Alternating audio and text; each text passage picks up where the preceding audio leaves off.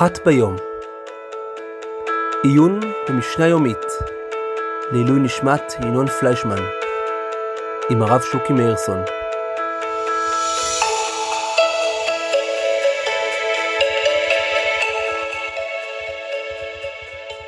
אה, מסכת פאה, פרק א', משנה ג'. אה, לפני שנקרא את המשנה, נעשה הקדמה.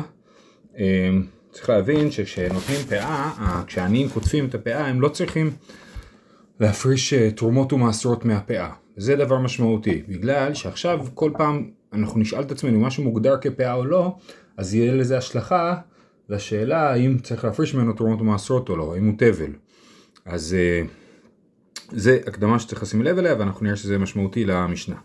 אומרת המשנה, נותנים פאה מתחילת השדה ומאמצעה. רבי שמעון אומר, ובלבד שייתן בסוף כשיעור. רבי יהודה אומר, אם שיער כלח אחד, סומך לו משום פאה, ואם לאו, אינו נותן אלא משום הפקר. אז יש פה בעצם שלוש שיטות במשנה. תנא קמא אומר, נותנים פאה מתחילת השדה ומאמצעה. תנא קמא אומר, לא אכפת לי איפה אתה שם את, ה... את הפאה. למרות שהמילה פאה לכאורה מתייחסת לאיזשהו קצה, כן, זה המשמעות של פאה, זה צד. אמ, אבל קמא אומר שלא אכפת לו, והפאה יכולה להיות בכל מקום בשדה. בכל מקום בשדה אפשר לשבת שטח שאותו אני לא קוצר, והעניים באים ולוקחים ממנו. עכשיו, אה, על הדבר הזה מסביר ברטנורה שכתוב בפסוק לא תכלה פאת שדך לקצור, ולומדים מזה שיש פאה אפילו כשעדיין נשאר לך שדך לקצור. כן, לא תכלה פאת, שדך לקצור. אז מזה למד תנא קמא שכל עוד יש, אפילו שיש עדיין, שזה לא סוף השדה ועדיין יש שדה לקצור, בכל אופן אה, אפשר להפריש פאה. זאת אומרת שכל מקום שאני אפריש פאה, אני יוצא ידי חובת מצוות פאה, והפאה הזאת נחשבת לפאה במובן הזה שהיא פטורה מתרומות ומעשרות והעניים יכולים לקחת אותה. רבי שמעון אומר, ובלבד שתיתן בסוף כשיעור. אז רבי שמעון חולק על תנא קמא ואומר, לא, אם, אם אני נותן מתחילת השדה ומאמצעה זה בסדר. אבל עדיין אני צריך לתת בסוף כשיעור. עכשיו יש שתי דרכים להבין את אה, דברי רבי שמעון וממילא גם את ההמשך את דברי רבי יהודה, אני אסביר קודם שיטה אחת ואחרי זה שיטה שנייה. אז שיטה ראשונה אומרת שרבי שמעון אומר שצריך להשאיר בסוף השדה אחד משישים. כל מה שאני אשאיר באמצע השדה, נגיד שאני אשאיר שטח בתחילת השדה שהוא אה, פאה, הוא, הוא באמת יהיה לו דין של פאה, אבל עדיין מבחינת חיוב פאה, אני חייב להשאיר בסוף השדה אחד משישים. זאת שיטת רבי שמעון. ורבי יהודה אומר, אם שיער כלח אחד סומך לו משום פאה, ואם לאו אינו נותן אלא משום הפקר. לפי ההסבר הזה, רבי יהודה חולק ואומר לא, לא צריך להשאיר בסוף השדה אחד משישים. צריך להשאיר בשדה אפילו כלח אחד, חתיכה אחת קטנה, כן, כמה חיטים שלא קצרתי, כמה שיבולים שלא קצרתי, אני משאיר בסוף, ומוסיף לזה בשטחים אחרים בשדה, בהתחלת השדה, באמצע השדה, אני מוסיף לזה, וסך הכל זה מצטבר לאחד משישים. ואז מחלוק, המחלוקת הולכת ככה, תנא קמא אומר תשאיר פאה איפה שאתה רוצה. רבי שמעון אומר אתה חייב להשאיר פאה אחד משישים בסוף השדה, ואם השארת עוד פאה במקומות אחרים בשדה זה בסדר, זה מצטרף, אבל זה לא פוטר אותך מלהשאיר אחד משישים בסוף. ורבי יהודה אומר זה כן פותר, אתה יכול, אבל אתה צריך להשאיר קצת, טיפונת בסוף השדה, ובסך הכל מכל השדה להשאיר אחד משישים. והוא אומר, אה, אם שיער כלח אחד סומך לו משום פאה, ואם לאו אינו נותן עליהם שום הפקר, זאת אומרת אם לא השארתי כלח אחד בסוף, אז אני הפרשתי, הפאה שהפרשתי היא לא פאה.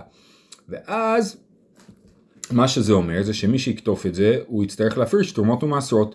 אבל כתוב אינו נותן עליהם שום הפקר. זאת אומרת אם הוא מפקיר הוא לא אומר, פאה זה לא הפקר, פאה זה פאה לעניים.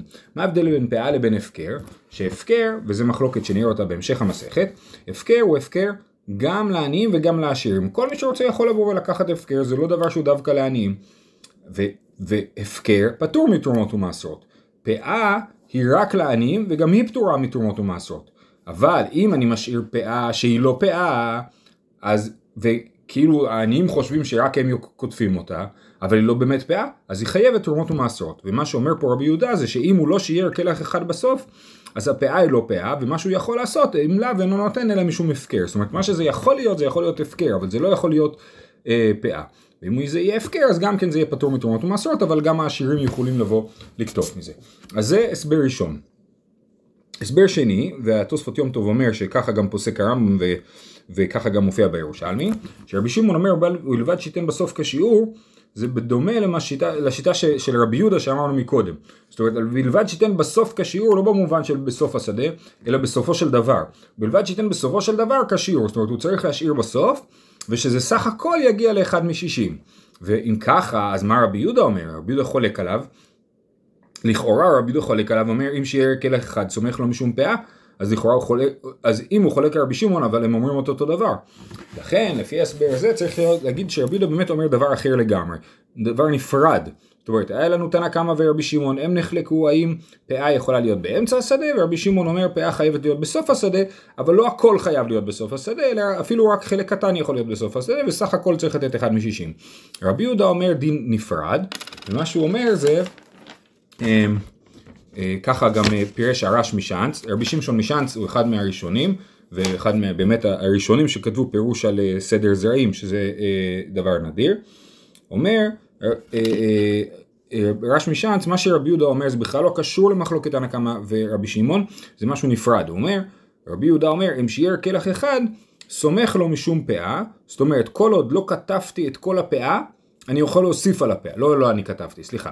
כל עוד העניים עוד לא כתבו את כל הפאה, אני יכול להוסיף פאה. אם כבר כתבו את כל הפאה, אני לא יכול להוסיף פאה, אני יכול להפקיר, אבל אני לא יכול להוסיף פאה. זאת אומרת, אני יכול להפקיר לעניים ולעשירים, אבל אני לא יכול להשאיר פאה לעניים בלבד, כי אם אני אשאיר את זה, זה יהיה חייב בתרומות ומעשרות. אז זה מה שהוא אומר, אם שיער כלח אחד, סומך לו משום פאה, עדיין אפשר לתת פאה.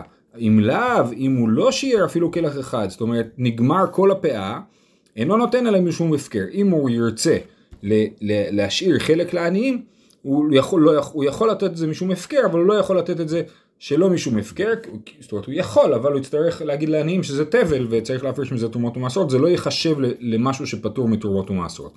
אז זהו, אז לפי השיטה הזאת, תנא קמא ורבי שמעון נחלקו איפה הפאה צריכה להיות, ורבי יהודה בא להעיר הערה נפרדת לחלוטין על השאלה, קל, עד מתי אני יכול להפריש פאה, האם זה, אה, אה, והוא טוען שאפשר להפריש פאה כל עוד עדיין יש פאה בשדה, אבל אם אין כבר פאה בשדה אי אפשר להוסיף על הפאה. זהו, עד כאן הייתה משנה אה, פרק א', משנה ג'. אני אקרא את המשנה שוב פעם, רק בשביל לראות שהבנו. אומרת המשנה, נותנים פאה מתחילת השדה ומאמצעה, רבי שמעון אומר בלבד שייתן בה בסוף כשיעור, רבי יהודה אומר אם שיער כלח אחד, סומך לו משום פאה, ואם לאו אינו נותן אלא משום הפקר. זהו, שיהיה לכולם בשורות טובות.